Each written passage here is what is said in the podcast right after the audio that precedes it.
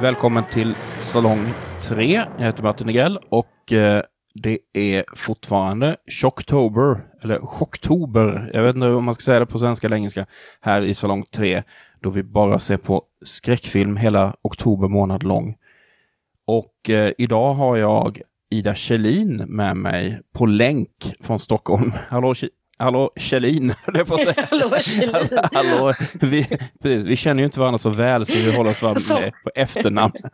Som om vi var gamla lumparkompisar eller någonting Ja, kanske. exakt. Hallå Kjellin. Det är bara för att jag ser på Zoom här och så står det så här Ida Kjellins iPhone. så tänkte du att du drar till med ett Kjellin. Ja, nej, vi har ju känt varandra väldigt, väldigt länge. Så att, eh, det hade ju varit konstigt. Så vi kan lägga, lägga ifrån oss titlarna. Men Ja, det kan vi göra. eh, Ida är ju manusförfattare och eh, skribent och kritiker och allt möjligt. Eh, och eh, även känd från eh, denna podd tidigare. Idag ska vi prata om en film som heter Supernatural från 1933. Men innan vi gör det så tänkte jag bara höra lite så allmänt om eh, så skräck och skräckfilm och sånt där. Är det, är det något som liksom vanligtvis ingår i din fyndighet?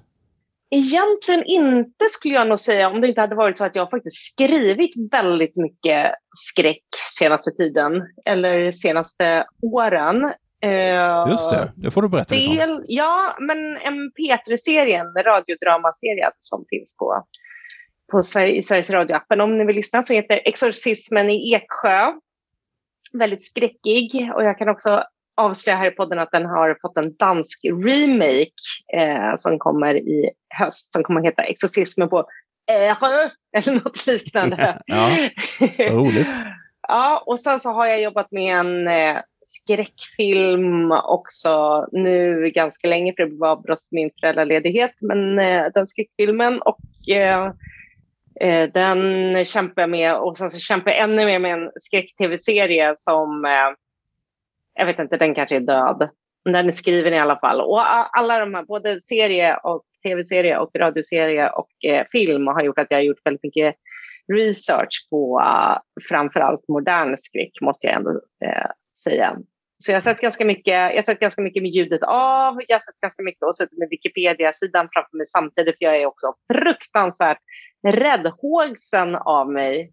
Uh, och alltså jag vill bara säga till alla lyssnare, ni fattar inte vilken underbar lista det var som Martin skickade över. Alltså bara de få besk alltså beskrivningar, de få raderna om varje skräckfilm var bara så här, vilken, vilken skatt av filmer du har grävt fram. Gud, varför sitter man och kollar liksom på den ena Conjuring efter den andra när man har den där rikedomen?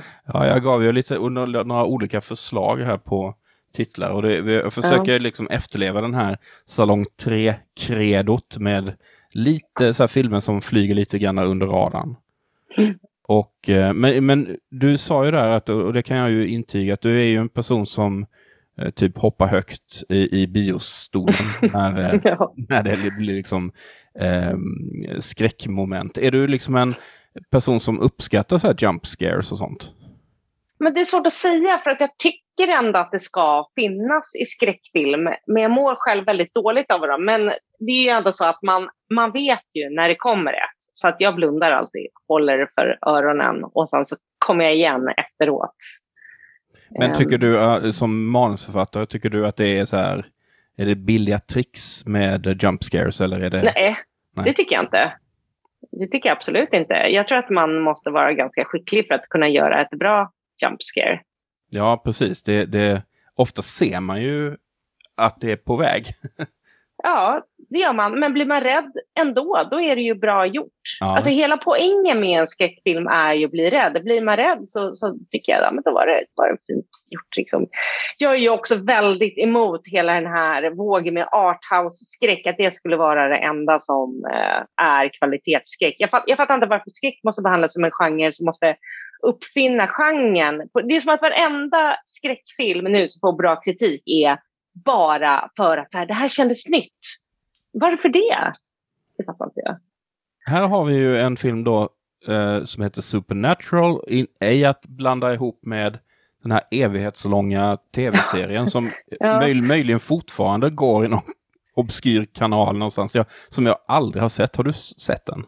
Ja, jag har absolut sett i alla fall första säsongen. Men jag tror att det handlar om två bröder, de typ dör men kommer tillbaka och sen så följer man dem i helvetet och det är olika demoner och så. I början var det lite mer så här eh, Monster of the Week. Det var ganska kul, eh, mm. sådär, för det var ganska så här, kända monster och legender och liksom Svarta Madame kom fram ungefär. Men sen så blev det väldigt urspårat. Men eh, den, den var nog helt okej tror jag. Den här är då en, en så kallad pre-code film från 1933, det vill säga innan det amerikanska censursystemet fanns på plats helt och hållet och liksom man, man verkligen tystade ner, eller hur man ska säga, eh, de mest eh, extravaganta och eh, vågade uttrycken i såväl romantisk film som actionfilm och här då i skräckfilm. Det är en film där man kan väl säga så här att det är en film där falsk övernaturlighet möter riktig övernaturlighet. Skulle man kunna säga ja, så? och ondskefull övernaturlighet möter också gullig och ja, välvillig övernaturlighet. Ja. Hur sammanfattar man den här filmen? Jo, det, det är alltså en mörderska, kanske man sa på den tiden, som är något så ovanligt som en eh, kvinnlig mördare, en sån här riktig eh, Black Widow-typen. Ja. Men det är väldigt roligt. Jag älskar hur det börjar. För de, hon är otroligt utlevande och galen. Hon så här skrattar ett riktigt så här... Hon får gapskratta, sitt galna stryparskratt väldigt många gånger. Och sen berättas liksom hennes story genom olika tidningsrubriker. Jag har faktiskt skrivit ner en av de här rubrikerna för att det är väldigt pre-code. Lyssna på det här. Killing each of her lovers after a riotous orgy in her sensuous Greenwich Village apartment. Ja, det är mycket på en gång där. Ja. Det, det, det, jo, det är härligt för att det är hon, eh, det, Ruth uh, Rogan, möjligen släkt med Seth Rogan.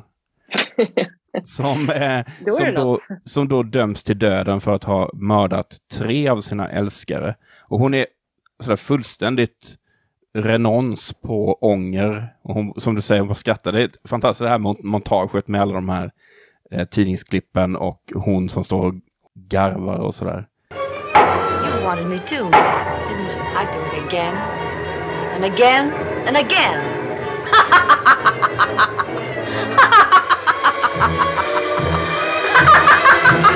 Jag älskar hur den här filmen börjar redan innan dess. Som inleder då med inte ett, inte två, utan tre olika citat. Även om du tänkte på det. De, de liksom blixtrar förbi ganska snabbt. Först ett citat från Confucius. Treat all supernatural beings with respect, but ja, keep aloof from them. Och sen drar de till med ett citat från Muhammed. We will bring forth the dead from their graves. Och avslutar sen med ett citat från Matteus. And he gave his twelve disciples power against unclean spirits to cast them out. Så det är liksom mycket att bearbeta där redan innan vi har liksom kommit igång med eh, den här eh, dödsdömda kvinnan som vi då eh, jag älskar den här detaljen i den här eh, citatet från tidningen som du läste upp. Att hon naturligtvis har hon någon sorts så här bohemisk lya i Greenwich mm. Village som ju var symbolen för dekadensen på den tiden. Man riktigt ser de här sammetsdraperierna och rökelsen ja. framför sig. Och just att hon är en sån här, det mest otänkbara det amerikanska samhället anno 1930 någonting kunde tänka sig, det vill säga en mörderska som är helt uh, utan ånger och som bara skrattar åt sin dödsdom. Här tänker jag att ja, men det här handlar ju lite grann om en person som inte passar in på något sätt alls i den roll som på något sätt tilldelats henne. Och vi ser även eh, från de här tidningsrubrikerna att hon säger att hon hatar alla män och eh, att till och med kvinnoförbunden tar avstånd från henne. Ja, nej, men eh, hon är ganska härlig. Just det där, ingen ånger och ingen förklaring. Utan det var något hon ville göra. Strypa sina älskare i sin sensuella ja, lägenhet. Och att just det här att hon stryper dem också. Det tycker jag är väldigt intressant för att är hon så här overkligt stark i händerna eller någonting. För att det är flera tillfällen som det, man kan få intrycket av att hon, hon verkligen... För varför kan de här männen inte freda sig från... Jag tror att de, de är de, svaga av åtrå. Det kan vara så kanske. Ja. För hon, hon tycks ju komma mot dem liksom framifrån med sina ja. utsträckta händer. Och bara, Jag tror svaga av åtrå och absint. Det är no någonting sånt är det, men det är ganska häftigt ändå. Mm. Så vad filmen, alltså det är ju en otroligt späckad film. Den är 64 minuter lång och det, det, innehåller, det innehåller så mycket så att jag bara satt och skrev anteckningar på anteckningar på anteckningar. Men hon blir avrättad, men så finns det då en, eh, vad ska vi säga, någon sorts eh, experimentell forskare, doktor, som har ganska vilda teorier om att den eh, andliga energin eller något sånt av avrättade personer kan vandra vidare och smitta, som han uttrycker det, andra personer som sen då blir typ copycat-mördare. Och jag skulle gärna vilja se den liksom peer-reviewade eh, studien som han han, han drar ganska vilda teorier var på den här fängelsedirektören då som han... Ja, det låter rimligt. Ja, det låter ju okej. Vi får se vad vi kan ja. göra. Ja. Och då, för då vill ju han ta hand om den här kroppen efteråt och försöka, jag vet inte, skydda, lite oklart, allmänheten. Ja, det är lite oklart. Ja. Parallellt med det här så är det ett, eh, ett tvillingpar, två eh, tvillingar, en man och en kvinna, som är någon sorts rikemansbarn. Och där den ena tvillingen dör och hans syster nu ärver då hela familjeförmögenheten. Och Men hur dör han? Ja, det är lite det, oklart. Va? Det är otroligt oklart. För jag var så här, eh, vadå, var han en av de strypta männen? Nej, det var han inte. Men han blev uppenbarligen mördad på något sätt. För sen blir liksom den, en slags förmyndare eh, blir misstänkt för att ha mördat honom för att komma ja. över pengar. Men man får aldrig reda på vem det var sen. Nej, alltså jag, jag, jag var väldigt osäker på, blev han ens mördad? Alltså han, ja, han är död i alla fall. Han är, han är död i alla fall. Han är död. Och, och hon är väldigt olycklig. Och då vill är, jag bara säga ja. några ord mm. om eh, den som spelar rikemanstjejen. För det är ju faktiskt Carol Lombard som mm. är en, en favorit som var jättekänd för sina eh, Ja, det vet ju du, men jag säger till, till alla andra här som möjligtvis inte känner till Carol Lombard att hon var ju värsta screwball-komediennen Så det här var ju väldigt out of character för henne att göra den här filmen. Och sen så läste jag här också att det också blev som en ganska jobbig grej under inspelningen. Eh, men jag tycker också att det skiner igenom lite. Hon går ju in ja, jag ska inte gå händelserna i förväg, men man kan ju också se när hon kanske spelar ut sin komiska talang lite mer senare. Ja, men verkligen. Bara, än när hon bara ska vara så här tårögd och så. Och, eh, hon dog i en flygkrasch när hon bara var 33. Hon var gift med Clark Gable som aldrig kom över henne och så ville eh, bli begravd bredvid henne fast han var gift två gånger till efter henne. Ja. Ja. Men jag tycker att hon gör ett bra jobb här ändå. Jag menar, jag förstår ju det här att hon att folk inte riktigt kunde köpa det för hon var så, som du säger, så pass känd som komedienn. Men jag, jag tycker hon gör en helt adekvat insats. Och, men, men någonting som jag tänkte på, jag kunde inte låta bli att tycka att hon var väldigt lik Amy Poehler här. Även om du Men kanske det. lite. det är kanske är humorgrejen som, som kommer igenom. Men ja. eh, som du sa, hon är väldigt olycklig då, Roma som hon heter. Mm.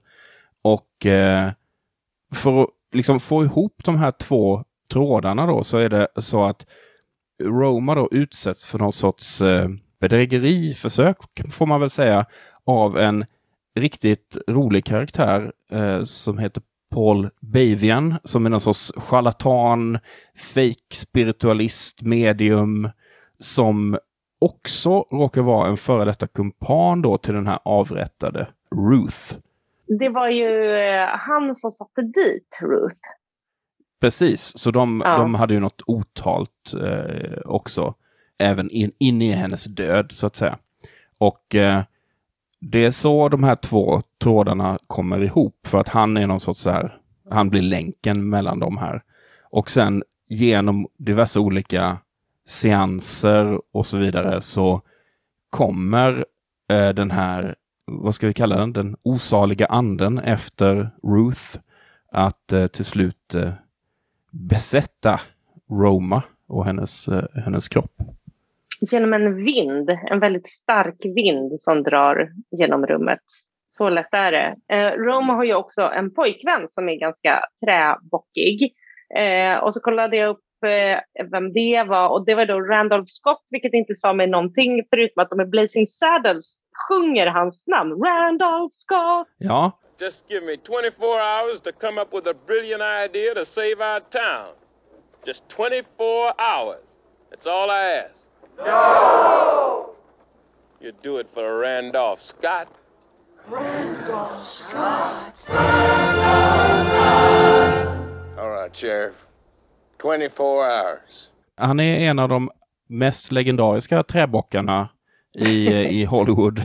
alltså eh, en eh, oerhörd eh, så här western-legend som han, jag tror att han bara spelade good guy i hela sin karriär. Och eh, vissa av hans eh, filmer är riktigt bra. Särskilt de som han gör tillsammans med Bud Butticher som är, var en eh, sån här Eh, western eh, regissör som bara liksom sprutade ur sig rullar på sådär 50-talet. Men ja, han spelar då Grant som är hennes kille. Men den är verkligen, som du sa, det är en väldigt kort film, men den är väldigt, väldigt plottät. Så då, nu har vi alltså den här stryperskan, hon är avrättad, hennes själ har gått över till eh, eh snälla rikemansflickan under en seans, mera falska mediet. Och samtidigt så känner hon också, av någon anledning som inte är helt klar, den här experimentella doktorn då. ja, exakt. Och samtidigt så försöker det här falska mediet som satte dit eh, stryperskan, han fejkar ju att hennes brorsa, rikemansflickans brorsa då kommer och talar till henne och skyller sin död på den här förvaltaren av ja, det, blir det blir väldigt invecklat. Ja, det, blir så, det är väldigt det är egentligen inte så invecklat när man tittar på det, men när man tänker på den här storyn så är det, det är lite så här, väldigt få personer som är med. Det är nästan som ett kammarspel. Mm. Men alla träffar på varandra hela tiden och känner varandra i det här lilla insyltade gänget. Och det är en grej, en favoritsak också, för jag glömde att säga det här, det här falska eh, mediet. Han har ju också en giftring som han har på handen. När han vrider på den, då kommer liksom fram en liten gifttagg och han till exempel dödar sin snokande hyresvärdinna med den. Han är helt samvetslös. Ja, han är även om, samvetslös. Även om då den här hyresvärdinnan är ju otroligt irriterande måste jag säga. Ja, alltså, minst sagt snokande och eh, lägger, sig, lägger näsan i blöt där hon, där hon inte borde och sådär. Men han är ju helt iskall i att han bara mördar henne när hon vet lite för mycket och man får ju verkligen känslan av att han har mördat förr. Ja. Eh, men den, den här lilla ringen är, den är väl en väldigt fin detalj. Um, och jag gillar verkligen den här, uh, den första seansen, den här fake-seansen. Första gången som då Roma kommer hem till den här uh, charlatanen. Och han har verkligen riggat det på värsta Scooby-Doo-sätt med olika rekvisita som är dolda och han trycker på hemliga knappar och sådär så att det rasslar och händer saker. Det är ganska skojigt. Ja, det är fantastiskt. Jag är personligen väldigt intresserad av de här spiritisterna och alla, alla grejer de hade för sig. Men det var så jäkla, jäkla stort verkligen. En sån sak som, ja, men som tonåringarna träffas och gör så här anden i glaset. Så träffades mm. liksom, fina damer och så här framkallade andar liksom, på lördagskvällen. Jag undrar när det är mm, liksom bedarrade, alltså när, när var det intresset som mest intensivt tror du? Förra sekelskiftet. Mm. Eh, ja, men det var en del var otroligt eh, kända också. Det var en som var väldigt känd för att hon fick apelsiner och citroner av andarna hela tiden. Sen blev hon arresterad och hade hon hela kjolen full av frukt. Oh, nej, typiskt. När man väl känner en så bra fruktande och så visar det sig att det var båg. Den här, en, en observation är den här Dr. Houston då som är den här eh, lite wannabe Frankenstein som ju har sitt labb i en eh, oerhört flott typ takvåning i ett sånt art deco-hus mitt i New York. Det tyckte jag var ganska intressant. Och han, han, han slänger sig med några sådana här föga, skulle jag påstå, eh, underbyggda teser. Typ att ja, men Ruth är, är, mer farlig nu i döden än vad hon var i livet. Och att eh, och det är lite så här eh, kejsaren i Star Wars, sådär, strike me down. Jag blir faktiskt mer eh, mäktig i döden. Han, han, är väldigt självsäker där att ja, men självklart fortsätter livet efter döden. Och det, det är ju lite uppmärks, ja, uppseendeväckande av en, av en vetenskapsman kan man tycka. Ja, ja men eh, Frankenstein verkligen känns han ju som.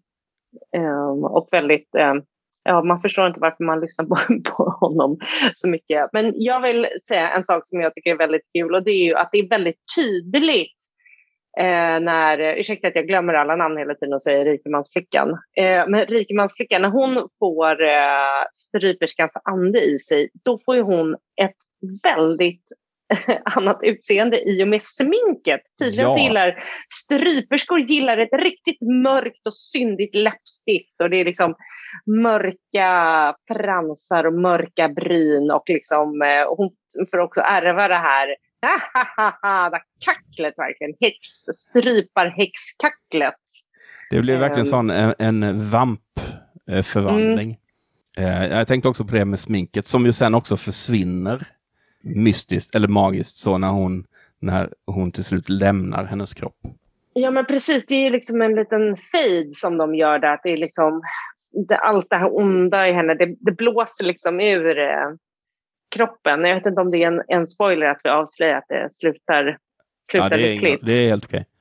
Och det är ju den här stryperskan, hon, det visar sig att hon kan faktiskt hämna, hämnas på sin svekfulla älskare även utan människokropp. För den här eh, blås, blåsande andekroppen har tydligen power över rep. ja, det, det, blir lite sådär, eh, lite, lite telekinesi eller sådär. Mm. Att, eh, även utan, som du säger, utan en kropp. Den här Dr. Houston säger då, han uttrycker sig ungefär som att eh, det finns en risk här att eh, eh, ni måste ut ur rummet för det finns en risk för att eh, eh Eh, den här eh, Ruths eh, modiska själ kan liksom smitta nästan, som, som om det vore någon sorts eh, ja, men som det vore någon sorts luftburen smitta som, som folk kan få. Och då är det, tycker jag är så intressant att de bara utgår bara från att, från att det är då den här Roma som kan bli angripen eller besatt. Är det bara för att hon är kvinna då eller? Ja, det verkar ju vara så. För de andra verkar inte bry sig överhuvudtaget över att bli... Nej, Nej men det är, det är väl så att um, kvinnor För hur skulle det se ut? Kvinnor, en... Hur skulle det se ut? Då blir det komedi direkt. Då blir det så knasigt och en, en kar som gillar klackskor och så. Det, det, gjorde man ju med Mel Gibson i What Women Want på En av dina favoriter?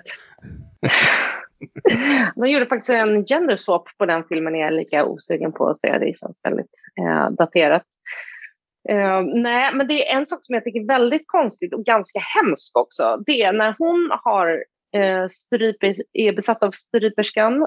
Då, alltså jag kan inte tolka det som något annat än att hon ligger med den här stryperskans ex, då, det här falska absolut, absolut. mediet. Vad hemskt. Fattar hon kommer ur det där och bara Åh, nu är vi själv igen. Den här veka, goda rikemansflickan. Så bara, Åh, nej, vad gjorde jag på min lyxyacht? Mm. Jo, jag låg med en jävla bov. När hon vaknar upp så minns ju inte hon någonting. Nej. Och så, undrar, så frågar hon sin kille typ Åh, vad hände? Och han typ så äh, det hände ingenting. What are we doing here? Don't you remember? No. We shanghaied you and then you fell asleep. Where are the others? They left. Eh, och sen är det ganska lättsamt. Samtidigt då, vad som faktiskt har hänt är ju att deras affärskollega då, Hammond, är död. Doktorn är, är halvdöd. Den här charlatanen är död. Han hänger utanför i en av trossarna. Och hon själv har blivit så sexuellt utnyttjad, typ eh, i princip, alltså motsvarigheten ja, nästan till så här, lite så här date-rapad. Och vad och, tänker filmen då? Filmen tänker, vi avslutar med en ganska skämtsam liten idé. det är faktiskt ganska roligt. Det är väldigt roligt. Ja, men eftersom det handlat så mycket om det här falska mediet som skulle framkalla hennes bror eh, på olika sätt. Och så är det verkligen hennes bror som bläddrar i en tidning och slår upp en annons för smekmånadsresor som en liten hint att ta och gifta med varandra. Ja, Syrran, gifta med din kille. Eh, res till Bermuda på er smekmånad. Eh, står det i annonsen. Så att eh, det är väl en uppmaning då från bortom graven att Ja. här, kom igen nu, åk dit. För som du säger, plötsligt så visar det sig att den här broderns ande, den verkar vara osalig så att den är liksom, den finns där och hjälper till lite när det behövs på slutet. Den leder väl till och med killen till båten tror jag. Ja, Det är som Ja, att han vägleds lite grann av, Ja. av spöket. Det är mycket som händer i den här filmen. Och det kanske är helt omöjligt att, att förstå, förstå den när man lyssnar på oss nu, men det är... Första gången jag såg den så satt jag och gapade nästan för att jag tyckte det var så oerhört mycket som hände. Och när, när man trodde att liksom, nej men nu har den väl, nu kan det väl inte finnas fler växlar att lägga i. Då kommer det här liksom broderns spöke på slutet eller det här, i alla fall sett från vår horisont och nu med eh, sexet och Ja, nej, jag var tvungen att, läsa igenom hela plotten direkt efteråt för att bara, missade jag någonting? För det var så mycket. Har du någon, något annat du vill, eh, du hade antecknat eller tänkt på innan vi kommer till en liten avrundning? Nej, jag skulle vilja säga eh, vad skönt det är med korta och späckade filmer. Mm. Lite allmänt. Alltså istället för att dra ut på någonting. Ja, nej, men det kanske inte är så mycket karaktärsuppbyggnad och liksom bågar hit och dit. Och vad, vad skönt det var att slippa det och bara ha lite så här härliga, riktiga så här superbovar med giftringar och liksom superstryperskor som kacklar fram sitt förakt för mänskligheten och, och mannen. Och även om den inte direkt var läskig så var det, visuellt var den ju ganska imponerande för att vara tidig 30-talsfilmen då. Eh, framförallt med de här, liksom, hur han trixade med att försöka få det att se ut som att brorsan var levande. Liksom. Det var speglar och skåp och Ja. liksom, projektioner och allt. Projektioner heter det. Projiceringar. Ja, ja, ni fattar vad jag menar. Mm. Det är ungefär samma team som eh, bara året innan tror jag, eller något år tidigare, eh, låg bakom en film som är betydligt mer känd, som heter White Zombie. Ja, ja den blev man ju lite sugen på. Den är, den är från 1932, ja. Den är väldigt bra också, tycker jag. Och den här Supernatural blev ju inte alls en lika stor hit då. Men eh, jag tycker den är en liten sån sleeper som eh, jag rekommenderar varmt faktiskt. Och som du Verkligen. säger, in, inte minst det här att hur är det möjligt att berätta en sån här historia så oerhört komprimerat på så kort tid? Det är liksom ganska makalöst. Och särskilt i, i ljuset av liksom de här två och en halv timmes eposarna vi Mm. plågas av liksom ständigt för tiden. Eftersom det här är salong tre så avslutar vi med frågan Vem hejar du på? Vem hejar du på i den här filmen, Ida? Åh, men jag hejar ju på rikemansflickan ändå. Mm. Det går ju inte att heja på någonting, någon annan. Men med det sagt så tycker jag att stryperskan är ju lite härlig och eh, jag hoppades in i det sista faktiskt att hon inte skulle bli avrättad. Eh, eller att hon på något sätt skulle återuppstå och få själen tillbaka och gå vidare ut i, i eh, natten för att ha orger i sin sensuella lägenhet. Men ehm, ja, Precis, för det känns ju som att det är hon. Jag vill inte påstå att hon är missförstådd, för hon är uppenbarligen skyldig till ett antal mord. Men man vill ändå sådär. Man, jag vill ändå tro någonstans att så här, samhället är lite för hårt mot henne. ja, Men jag får nog också heja på den här. Det, det bär ju emot och heja på någon sån här rike, rike barn liksom. Men eh, det blir ju den här Roma som man får heja på helt enkelt. mm. Och eh, sen så har vi en liten specialare eftersom det är eh, Shocktober. Eh, vi ska tillsammans, du och jag, fylla i ett litet formulär som jag har eh, om den här filmen, eller som kanske har med den här filmen att göra. Och ehm, du vet när någon har gjort något riktigt bra så, så kan man ju dela ut guldstjärnor. Men Mm. här delar vi ut guldpentagram. Oj! Ja. Så då så frågar jag, eh, innehåller filmen ett elakt djur? Nej. Däremot en väldigt snäll och fin hund. Ja, då, Och, eh, det är alltid mycket- ett plus. En hel del fåglar också. De hade ju något sånt där orangeri med. Ja, som hon matar. Ja, det kommer Mm. jag ihåg. Innehåller filmen ett ondskefullt barn? Nej. Nej. Eh, är det ett satanistiskt eller ockult innehåll eller tema? Mja. Det beror, det beror på hur man... Ja, det här med onda andar och hit och dit. Nej, kanske. Ja, men okult kan man väl kanske säga. Ja, Ett halvt pentagram, men det blir mer ett halvt pentagram blir det. Mm. Bygger på myt, saga eller vandringssägen. Ja, men lite Frankenstein, kan man inte säga det? Tror du inte att den är inspirerad av det? Fast det är inte Eller, det finns, det finns inte någon slags myt om liksom en själ som kan vandra och ta över någon annan? Det tror jag det finns Okej, vi, i vi, många ger den, kulturer. vi ger den det. det. Ja. Innehåller filmen en kniv? Fan, en giftring, Nej, men innehåller de kniv? Nej. nej, jag tror inte det. Innehåller filmen en serie eller massmördare? Ja, Ja. minst en. En vänsam. Eh, innehåller några, några effektiva jump scares?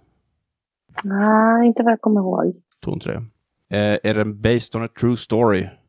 Nej, Nej. det tror jag inte. Är den baserad på en bok, en tweet eller en dröm av Stephen King? Nej, tyvärr. Nej, inte det. Han Eller var inte- tyvärr. Han var inte aktiv Han på var den inte tiden. Nej, han var. Eh, innehåller filmen en korkad eller oförstående polis eller annan myndighetsperson? Det, Nej, de lyser ju med sin frånvaro. ja, de är inte alls med, slår Nej. Nej. De är helt... eh, Nej, de bestämmer sig för att lösa det här själva. Ingen polis kopplas in. Det är ganska intressant nu när jag, går, när jag har kollat på de, många av sådana här eh, filmer och liksom gör det lite mer systematiskt. Och se så här, vilka blandar in till exempel media, vilka blandar in polis, myndigheter, sådär. Och vilken funktion har de? Det är ganska intressant att se. Men här är de helt, eh, helt borta. Ja, jag börjar Ehm. tänka själv på min egna skräckisar om de blandar in poliser eller inte. Det är lite ojämnt där. Mm. Det vill man ju helst inte för då blir det tråkigt. Då slutar vi på två och en halv guldpentagram Mm. för Supernatural. Eh, inte så dumt ändå. Nej, men jag tycker ändå att det är lite orättvist. Jag tycker att du ska fråga de andra filmerna. Innehåller de ett kacklande hånskratt? Innehåller de en giftring? det är onekligen så att det är många som eh, det, man har, jag har kommit på många fler sådana här kategorier allt eftersom. Men jag håller mig vid de här tio nu. Mm. Men det här var alltså Supernatural och eh, eh, Ida, stort tack för att du ville vara med och snacka om den här filmen. Ja, men tack för att jag fick vara med. Och eh, vi säger hej då! Hej då, boohoo! Boohoo!